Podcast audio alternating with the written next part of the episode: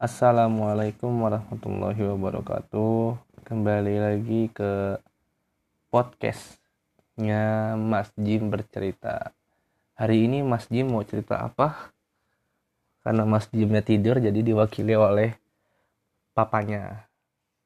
Jadi uh, saya sebenarnya sudah bicara ya di podcast sebelumnya bahwa sepertinya sepertinya saya akan membawakan tema yang sama yaitu masih tentang nabi. Tapi uh, setelah kami berdiskusi saya dan istri kita nggak bahas siroh secara runut gitu ya kisahnya dari awal sampai akhir tapi lebih ke tematik per buku. Karena ada beberapa buku yang nggak menceritakan tentang nabi dari awal hidup sampai wafat. Nah, salah satu bukunya kita sudah pilih. Kita sudah pilih bukunya. Judulnya Cara Nabi Menyikapi Kesalahan Orang Lain. Penulisnya Muhammad Solih Al-Munajjid. Penerbitnya ini dari Riyadh. Berarti Arab Saudi ya. Cetakan pertamanya pada tahun 1417 Hijriah. Uh, itu tahun berapa ya? Mungkin tahun 90-an ya, atau 80-an ya. Karena sekarang 1441 ya berarti sekitar 20-an tahun yang lalu berarti tahun 90-an lah ya nah ini diterjemahi diterjemahi diterjemahkan oleh Ustadz Asep Sobari LC mungkin para pecinta sirah nabawiyah sudah cukup memah cukup tahu tentang beliau gitu ya. Dan ini juga guru dari guru saya yaitu Amar Arisala gitu. Jadi buku ini menarik ya. Untuk cetakan yang baru atau dengan penerbit yang berbeda itu judulnya tadi ada aku lihat di salah satu toko buku online itu judulnya 38 cara menyikapi atau mengkoreksi kesalahan orang lain. Itu judul bukunya yang terbaru ya. Mungkin bisa dicek nanti. sepertinya ada 38 cara Nabi mengkoreksi kesalahan orang lain seperti itu bukunya. Jadi mungkin teman-teman bisa cari antara dua judul itu ya. Karena di sini juga poinnya sama. Terus uh, jadi di sini ada 38 poin cara Nabi menyikapi kesalahan orang lain tapi sebelum masuk ke situ dan saya nggak akan jelasin semuanya karena banyak banget pasti. Saya akan jelasin dulu kaidah dan prinsip yang harus diperhatikan ketika memperbaiki kesalahan orang lain. Ini penting. Kenapa saya milih buku ini? Karena penting kita tuh sering bertemu dengan kesalahan-kesalahan orang lain dan menjadi sebuah kesenangan bagi kita kalau kita bertemu dengan kesalahan orang lain. Seneng nggak pokoknya? Lihat orang lain salah tuh kita seneng karena di sisi lain kitanya nggak salah di sisi lain kita bisa nyalahin. Nah enak kan jadinya. Biasanya orang senang tuh kalau ada orang salah. Ya jadinya cari bahkan ada yang nyari nyari saking senengnya gitu. Keren lah pokoknya orang kita orang tuh. Manusia tuh keren. Nah di sini sebenarnya ada nabi tuh punya cara. Bahkan ada prinsipnya bagaimana cara menyikapi kesalahan orang lain. Dan mungkin ini bab yang harus di, sangat-sangat dipelajari bagi manusia ya. Karena kadang kita menyikapi kesalahan orang lain tuh pakai cara kita sendiri. Sedangkan sebagai muslim bahkan sebagai umat manusia harusnya mencontoh Nabi Muhammad. Dan ini cukup komplit bagi saya yang sudah pernah membacanya beberapa kali. Nah yang pertama saya ingin membahas prinsip tadi ya. Prinsip yang harus diperhatikan ketika memperbaiki kesalahan orang lain di sini ada kurang lebih 9 poin. Kurang lebih 9 poin. Prinsip yang harus diperhatikan. Yang pertama, ikhlas karena Allah. Jadi, motivasi kita meluruskan kesalahan orang lain itu bukan karena memang kita nyari-nyari kesalahan, bukan karena kita kesal sama orangnya, bukan kita punya dendam pribadi sama orangnya. Atau kita emang hobi aja gitu. Kalau ketemu kesalahan orang lain bukan. Motivasinya adalah ikhlas karena Allah.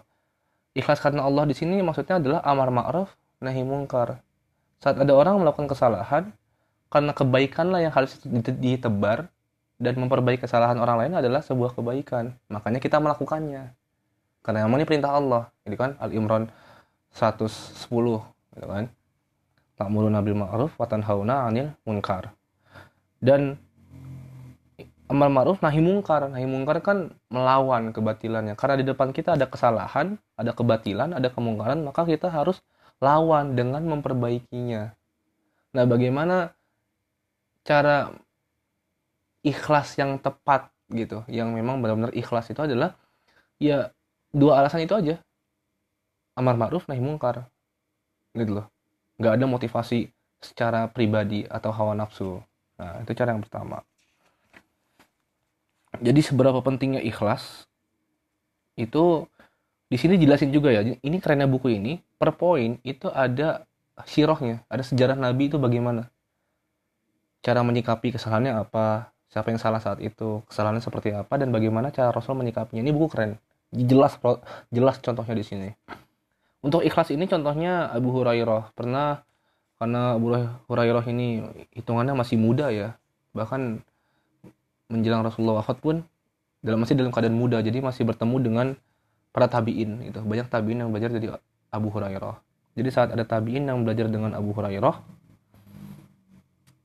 uh, tabiin ini bertanya uh, sampaikanlah kepadaku hadis yang engkau dengar dari Rasulullah dan mudah untuk aku hafal dan pahami lalu Abu Hurairah mengingat-ingat hadis yang mana nih? Oh, saat menemukan hadis yang tepat dengan apa yang diminta akhirnya menyampaikan. Saat ingin menyampaikan tiba-tiba Abu Hurairah menangis. Dan menangisnya ini nyaris pingsan. Sampai berkali-kali. Sampai berkali-kali. Dengan kondisi seperti itu berkali-kali dan pada saya di sini nggak jelasin juga ya berapa kalinya gitu ya tapi saat sudah mulai kuat untuk menyampaikan hadis itu ini hadis cukup panjang uh, Rasulullah berkata kepadaku bahwa apabila hari kiamat tiba, Allah Ta'ala turun untuk menemui hamba-hambanya untuk mengadili mereka. Saat itu, setiap makhluk tertunduk pasrah. Orang pertama yang dipanggil oleh Allah adalah orang yang menguasai Al-Quran, lalu orang yang terbunuh dalam perang di jalan Allah, dan orang yang kaya raya. Jadi inti, jadi ini hadisnya panjang banget, jadi nggak saya sampaikan semua. Intinya gini, saat Allah bertanya kepada orang yang menguasai Al-Quran, e, untuk apa engkau menghafal Al-Quran? Lalu orang ini menjawab, untuk ya karena cinta, karena cinta kepada Al-Quran. Tapi kata malaikat, kamu berbohong gitu. Karena kamu membaguskan bacaanmu agar dikenal sebagai penghafal. Yang kedua, yang di jalan Allah, yang mati di jalan Allah. Saat Allah bertanya, e, kenapa kamu orang yang apa ya berjihad di jalan Allah ternyata ia menjawab ya aku orang yang mati di jalan Allah tapi malaikat ini malaikat menimpali kamu berbohong. Sebenarnya apa yang kamu lakukan dalam perang itu bukan karena Allah tapi karena ingin mendapat gelar atau pujian yang abadi. Bahasanya menjadi legenda dalam perang itu gitu. Untuk yang orang kaya uh, Allah bertanya apakah untuk apakah hartamu digunakan? Lalu orang ini menjawab untuk membantu untuk bersedekah untuk me menyambung silaturahim dan sebagainya lalu malaikat uh, menimpali gitu ya kamu berbohong lalu Allah melanjutkan sebenarnya dengan perbuatan kamu dengan harta itu kamu hanya ingin dikenal sebagai orang yang dermawan dari situ dari tiga dari tiga golongan ini adalah tiga golongan yang pertama kali dimasukkan ke dalam neraka. Gitu ya. Di sini Abu Hurairah menjelaskan mereka bertiga adalah makhluk Allah yang pertama dijerumuskan ke dalam neraka pada hari kiamat. Tanda bahwa nilai ikhlas itu penting. Ini padahal kasusnya itu dari hadis ini ya, kasusnya itu sebuah amalan yang berat loh ya. Penghafal yang dijamin saat menghafal itu orang tuanya dipakaikan mahkota di surga. Yang kedua jihad jalan Allah perang di jalan Allah itu kan syahid ya kan yang ketiga orang yang dermawan gitu dan tiga ini adalah sebuah amal ibadah yang luar biasa balasannya gitu tapi justru menjadi sebuah keburukan yang menimpa dia di hari kiamat dengan dimasukkannya tiga golongan ini ke dalam neraka gitu. sebagai golongan pertama yang dimasukkan ke dalam neraka karena ketidakikhlasannya ini kenapa ikhlas itu penting Selanjutnya, nomor dua, prinsip yang kedua, kesalahan merupakan tabiat alamiah manusia. Maksudnya gini, hmm, sudah menjadi apa ya sifat yang lumrah bahasanya gitu ya. Manusia itu melakukan kesalahan. Jadi di sini ada hadis Rasulullah SAW Kulu bani Adam khotta'u wa khairul khotta'ina tawwabuna. Setiap keturunan Adam atau manusia banyak melakukan kesalahan. Sebaik-baiknya orang yang berbuat salah adalah yang suka bertaubat. Jadi saya juga pernah dengar hadis seperti ini. Allah akan menghancurkan umat manusia yang tidak sama sekali melakukan dosa. Lalu Allah akan menggantinya dengan umat yang berbuat dosa dan bertaubat kepada Allah. Nah, intinya adalah sebenarnya kesalahan ini adalah sebuah sesuatu yang lumrah lumrah pada manusia. Itu kenapa kita dalam menyikapinya itu tidak perlu pakai emosi, tidak perlu pakai hawa nafsu justru kesabaran kita yang harus digunakan gitu. Karena ini suatu yang lumrah. Manusia salah lumrah. Karena punya tabiat itu. Jadi kita dalam menyikapinya ya biasa aja. Saat kita misalnya berdakwah nih. Berdakwah ngingetin nggak mau. Diingetin nggak mau. Diajak nggak mau. Ya nggak usah marah. Nggak usah yang oh lu mah pasti udah masuk neraka lu diajak nggak mau diingetin nggak nggak mau juga udah lu susah lu. Bukan gitu. Harusnya biasa aja ya. Ya namanya manusia gitu. Tapi tanda bahwa bukan berarti itu menjadi sebuah dalil yang membuat kita berhenti untuk berdakwah. Wah ini Mas Jim masih batuk-batuk nih. Tapi udah agak mendingan jadi minta doanya lagi ya. Itu mudah-mudahan Allah cepat sehatin Mas Jim Terus ya intinya itu. Jadi uh, manusia itu punya tabiat melakukan kesalahan, jadi kita harus bersabar gitu. Bukan tapi bukan berarti menjadikan kita untuk berhenti untuk menebar kebaikan gitu intinya ya. Intinya dengan tabiat ini kita menjadi orang yang lebih bersabar gitu. Yang ketiga, menyalahkan orang lain harus berdasarkan dalil syar'i dan disertakan bukti tidak boleh berdasarkan ketidaktahuan atau emosi. Jadi eh, maksudnya gini, kalau kita mau bukan menyalahkan sifatnya ya, mau memberitahu kalau perbuatan orang lain itu salah, kita harus ada dalil syar'inya. Kalau memang itu melanggar syariat itu ya, ya kalau itu melanggar aturan Allah, maka kita harus menjelaskannya dengan dalilnya agar dia merasa dibenarkan oleh Islam bukan oleh kita. Jadi dia sadar oh ternyata agama saya menurut agama saya menurut Tuhan saya yaitu Allah ini salah. Sehingga kesadaran dia terhadap Allah dan agamanya itu meningkat. Nah jadi intinya gini saat kita mengingatkan tentang kesalahan orang lain itu fokusnya adalah Allah. Sehingga semakin dia sadar kesalahannya lalu dia mem memperbaikinya semakin dekat dia sama Allah. Gitu. Jadi fokusnya bukan kita. Bukan kita jadi orang yang diikutin terus sama orang yang kita ingetin karena wah keren nih apa gimana? Tuh atau kita belaga keren gitu. Fokusnya sama kita biar kita dibilang keren. Ya enggak. Justru yang tepat adalah dengan dalil syar'i ini justru dia akan semakin dekat dengan Allah saat dia menyadari kesalahannya. Karena pusat dari kontrol salah dan benar itu ada di Allah. Karena kita ngasih dalil gitu. Terus di sini tidak boleh juga berdasarkan ketidaktahuan. Maksudnya gini ya udah kita benerin aja uh, yang ya harusnya gini padahal enggak. Gitu. Harusnya kamu enggak gitu. Harusnya gini. Salah tapi omongan dia nggak sesuai sama syarat bahkan bisa jadi solusi atau perbaikan yang kita sampaikan itu justru malah tetap bertentangan.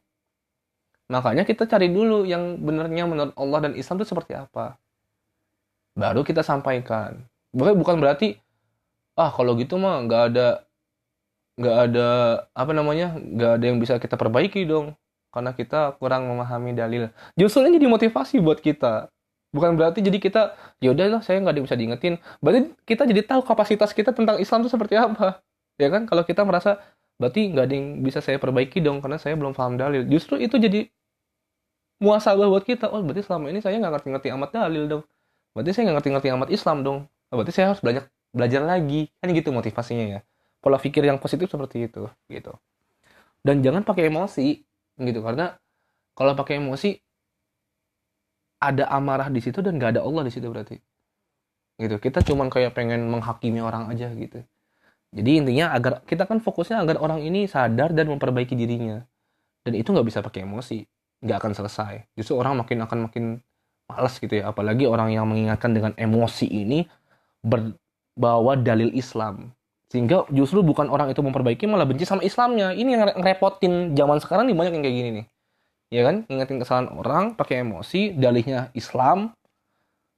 Orang karena nggak senang sama sifatnya tapi jadi benci bukan sama orangnya aja tapi sama Islamnya nah ini kita sebagai muslim harus mulai mawas diri dengan membawa predikat muslim dan Islam kita harus lebih mawas diri yang keempat semakin besar kesalahan yang dilakukan, maka semakin besar perhatian untuk memperbaikinya. Ini kesalahan yang besar ini seperti apa ya? Akidah. Seperti akidah. Misalnya gini, di buku ini jelasin bahwa suatu ketika uh, anaknya Rasulullah yang laki-laki Ibrahim itu meninggal. Sedih kan Rasulullah karena Rasulullah kehilangan bagi bagi orang Arab ya, bagi orang Arab kehilangan anak laki-laki itu sebuah kehilangan yang luar biasa gitu. Karena dia adalah penerus nasab kan. Seperti itu ya. Jadi itu kenapa saat Rasulullah mengangkat Zaid bin Haritsah saking senangnya dikasih namanya bukan bin Haritsah tapi bin Muhammad. Lalu Allah menegur bahwa nggak boleh pakai namamu kalau itu anak angkat. Seperti itu intinya. Karena saking senangnya Rasulullah itu gitu nah diceritakan di sini saat anaknya Rasulullah wafat yaitu Ibrahim terjadi gerhana matahari Lalu orang-orang berpikir bahwa ini adalah tanda kesedihan langit, kesedihan matahari, kesedihan bulan, atau bahasanya apalah itu. Karena meninggalnya Ibrahim gitu. Dia apa masyarakat Quraisy itu mulai mulai apa ya? Mulai berpikir skeptis dan sangat-sangat kuno bahasanya gitu ya. Berpikir bahwa alam ini sedih segala macam sehingga mereka uh, apa ya bisa jadi berpotensi melakukan ritual-ritual tertentu kan gitu ya. Nah, di sini Rasulullah menjelaskan dan menegur. Sesungguhnya matahari dan bulan adalah ayat atau tanda-tanda kebesaran Allah. Baik gerhana matahari maupun gerhana bulan tidak terjadi akibat mati atau hidupnya seseorang. Jika kalian melihat gerhana matahari atau bulan, maka berdoalah kepada Allah dan sholatlah hingga keduanya terlihat kembali. Itu kenapa ada sholat apa? Gerhana, gitu ya. Ini begitu tegas Rasulullah menegur gitu. Ini masalah akidah sehingga Rasulullah memberikan optional yang syar'i gitu. Yang lebih menyikapi alam ini itu semakin dekat kepada Allah, bukan justru semakin jauh. Ini berarti tanda perhatian Rasulullah kepada yang sifatnya akidah itu besar gitu. Di sini juga ada beberapa contoh lain, cuman eh, saya nggak bahas semuanya karena panjang banget. Nomor 5, prinsip yang yang kelima mempertimbangkan kedudukan orang yang meluruskan kesalahan. Oke, jadi gini maksudnya. Misalnya ada guru kita salah, guru kita loh. Secara kedudukan kan dia lebih tinggi. Maka cara menyikapi kesalahannya akan beda kalau yang salahnya itu guru. Berbeda kalau yang salahnya murid. Jadi kalau murid memper meng, apa ya ngasih tahu kalau guru itu salah sama guru ngasih tahu muridnya salah itu beda.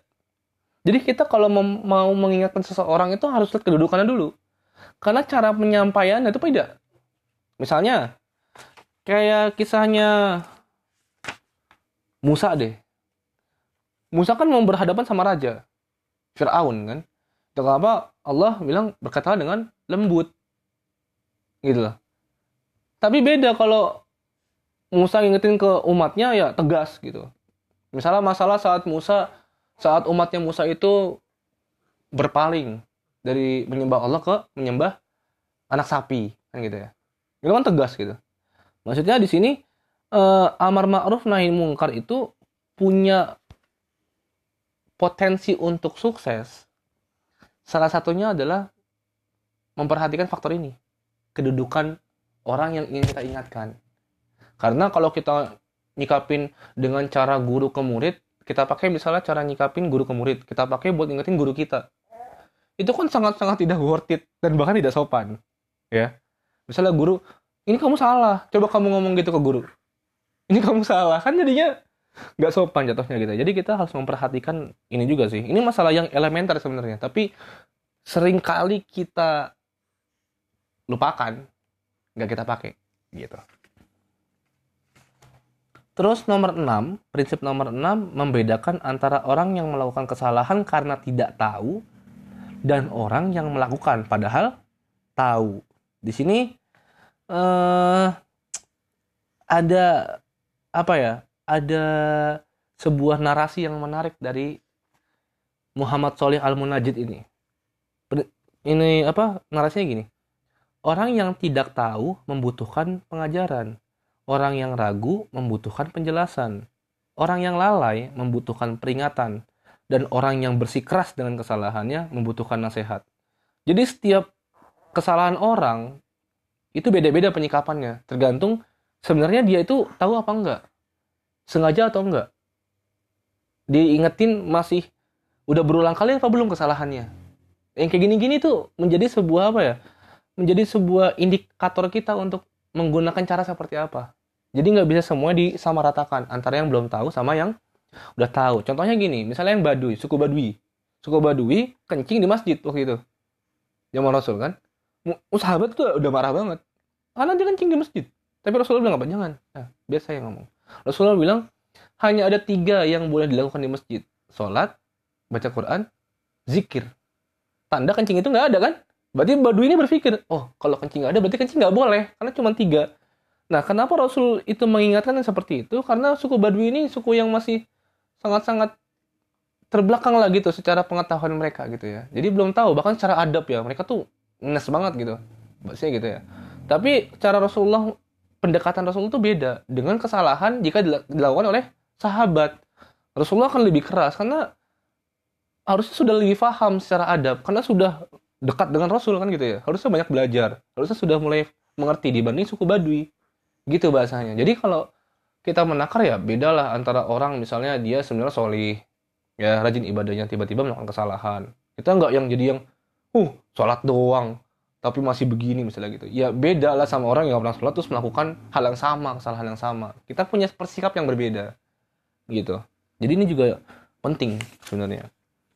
Prinsip nomor tujuh membedakan antara kesalahan yang timbul dari hasil istihad dan kesalahan yang disengaja akibat kelalaian dan pengabaian. Misalnya gini, hasil ijtihad misalnya ya kita organisasi lah gitu ya. Tiba-tiba pemimpin ya bukan tiba-tiba sih. Jadi rapat rapat rapat untuk menentukan uh, konsep acara atau apa pun itu. Akhirnya pemimpin memutuskan kita begini aja. Ternyata nggak berjalan dengan baik. Hasilnya kurang baik. Nah, kalau dari masalah seperti ini, jamaah atau teman-temannya nggak boleh menyalahkan seperti orang yang ya seperti yang berlebihan lah karena ini ijtihad. Pemimpin harus melakukan ini. Karena istihad, istihad itu kan jika salah dapat satu pahala. Jika benar dapat dua pahala. Prinsipnya gitu ya. Berarti sebenarnya asal asal apa ya? Asal keputusan pemimpin ini uh, tidak melanggar syariat. Ini sebuah istihad. Dan kalau salah kita nggak boleh yang menyalahkan gimana bagaimanapun gitu. Nggak usah berlebihan. Justru kita harus menasehati. Lalu kita memperbaikinya ke depannya bagaimana nih gitu. Beda kalau orang yang melakukan kesalahan yang sengaja. Akibat kita lalai. Misalnya kayak uh, dia melakukan itu lagi kesalahan yang sama karena kita ngingetinnya kurang karena kita nggak mantau dia. Karena kita apa ya lepas dari pantauan kita. Misalnya teman kita tadinya awal-awal malas ngaji tiba-tiba mau ngaji ke sininya nggak mau ngaji lagi nggak mau ngaji lagi gitu. Tapi kita nggak karena kita lalai mantaunya karena kita lalai ngingetinnya gitu. Ya itu beda cara menyikapinya. Kita juga harus mulai muasabah ya mawas diri. Kenapa uh, objek dakwah kita itu kok nggak greget ya gitu misalnya. Atau diingetinnya kok susah ya. Kita mawas diri lagi. Sudah sejauh mana kita mengeksplor segala cara untuk mengingatkan objek dakwah kita gitu jadi kita jangan jangan terus nyalahin objek dakwah kita yang susah dibilangin tapi kita coba mawas diri sendiri juga. Prinsip nomor 8, adanya niat yang baik tidak menghalangi pengingkaran jika praktiknya salah. Jadi maksudnya gini, saat orang melakukan hal baik tapi praktiknya salah, itu nggak semerta-merta kita benerin. Wah, yang penting kan dia udah niat pengen amal baik nggak apa-apa lah kalau praktiknya salah itu nggak boleh salah tetap salah. Karena hal yang baik harus dilakukan dengan baik. Misalnya dia sholat. Baik dong sholat. Nggak wudhu atau dia sholat. Misalnya waktunya zuhur. Karena saking senengnya duluan sholatnya. Jadi sholat duha. Gitu kan aneh kan? Ini kan salah ya. Maksudnya kan salah. Bukan berarti oh dia kan saking semangatnya nggak apa-apa lah. Tapi ini salah.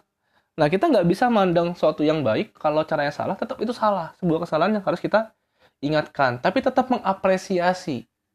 Ini penting. Tetap mengapresiasi keinginan dia untuk berbuat baik. Gitu loh. Jadi jangan semerta-merta, oh, emang nggak bakat lu beramal soleh gitu misalnya. Memang nggak bakat lu beramal soleh, sekali yang beramal soleh salah lu. Gak, gak gitu. Kita harus mengapresiasi upaya dia untuk berbuat baik. Karena untuk berbuat baik bagi orang yang sebelumnya melakukan kesalahan itu nggak mudah. Gitu. Berarti sebuah apa ya? Sebuah ya masya Allah saat ada orang tadinya berbuat kesalahan terus lalu berbuat baik itu sebuah sebuah kebaikan yang luar biasa dan harus kita apresiasi. Walaupun masih ada sisi-sisi yang harus kita perbaiki seperti itu. Yang terakhir adil. Nah, tidak boleh berat sebelah dalam meneruskan kesalahan. Misalnya gini, di buku ini ngasih contoh tentang kasusnya Usamah bin Zaid. Jadi ada satu perempuan, uh, satu perempuan ini melakukan kesalahan lah intinya gitu, melakukan kesalahan yang uh, hukumannya itu intinya harus dihukum lah. Perempuan ini salah dan harus dihukum. Tiba-tiba para apa ya orang-orang di situ masyarakat itu kayak nggak tega lah gitu. Apakah nggak tahu sih di sini nggak dijelasin juga perempuannya ini apakah orang yang gimana, yang salah ini nggak tahu gimana. Tapi intinya e, masyarakat ingin Rasulullah tuh mengampuni, gitu. Tapi bingung ngomong sama Rasulullah takut kan. Akhirnya bilang sama Usama bin Zaid. Usama bin Zaid ini anaknya Zaid bin Haritsah. Usama ini adalah salah satu sahabat yang paling disayangi Rasulullah dan dekat banget sama Rasulullah. Akhirnya masyarakat bahasanya minta lah, ini tolonglah Usama ngomong sama Rasulullah. Akhirnya Usama bilang, ya Rasulullah, eh, kami ya bahasanya minta ampunan lah atas hukuman yang telah engkau berikan gitu bahasanya gitu lalu justru mukanya Rasulullah berubah karena Rasulullah ini masya Allah ya hatinya ini tulus gitu ini kelihatan kalau lagi marah jadi mukanya marah terus Rasulullah bilang gini apakah engkau minta pengampunan atas suatu hukuman yang telah ditetapkan Allah. Jadi Allah tuh udah menetapkan yang kayak gitu salah. Apakah kau minta ampunan dengan masalah seperti ini?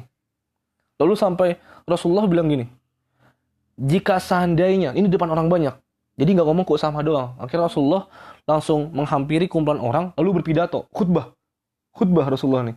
Lalu ngomong sama semua orang yang ada di situ, intinya gini, seandainya Fatimah yang melakukan kesalahan, maka aku akan memotong tangannya. Itu saking adilnya Rasulullah. Rasulullah nggak mandang Fatimah ini anaknya apa bukan. Anak kesayangannya apa bukan. Rasulullah nggak mandang siapa misalnya sahabat atau siapa pun itu. Salah, tetap salah. Jika Allah telah menetapkan itu sebuah kesalahan, maka itu sebuah kesalahan. Jadi nggak boleh, nggak boleh apa ya? Kita harus adil lah intinya gitu. Kita nggak boleh lihat siapa yang salah, gitu. Kita harus adil juga. Nah, dari situ ada sembilan prinsip yang telah dijelaskan ya dan contoh-contoh kasusnya gitu ya. Jadi e, bisa menjadi sebuah apa ya? Hmm, mungkin bahasanya lebih ke sebuah rem ya bagi kita untuk bersikap saat memperbaiki kesalahan orang lain. Apa yang harus dilakukan, apa yang harus ditinggalkan. Ini ini sudah cukup lengkap di prinsip-prinsipnya. Lalu saya akan sedikit membahas di bagian cara Nabi menyikapi kesalahan orang lain, tapi di podcast episode kedua. Karena sudah terlalu larut malam juga. Dan oh ya, episode 3, tapi maksudnya di part 2 untuk buku ini. Gitu. Jadi kita akan bahas di part 2-nya ya, bukan episodenya ya. Part 2-nya dari buku ini. Jadi ya tetap stay tune di Mas Jim bercerita. Jadi ya jangan lupa di share linknya kirim ke teman-temannya supaya teman-teman dengar dan boleh kasih kritik dan saran tentang Mas Jim misalnya Mas Jim buku tentang ini dong atau Mas Jim ngomongnya gimana kasih kritik dan saran kita ke DM IG kita di @masjim bercerita. Sampai sini dulu semoga berkah. Salam membaca. Assalamualaikum warahmatullahi wabarakatuh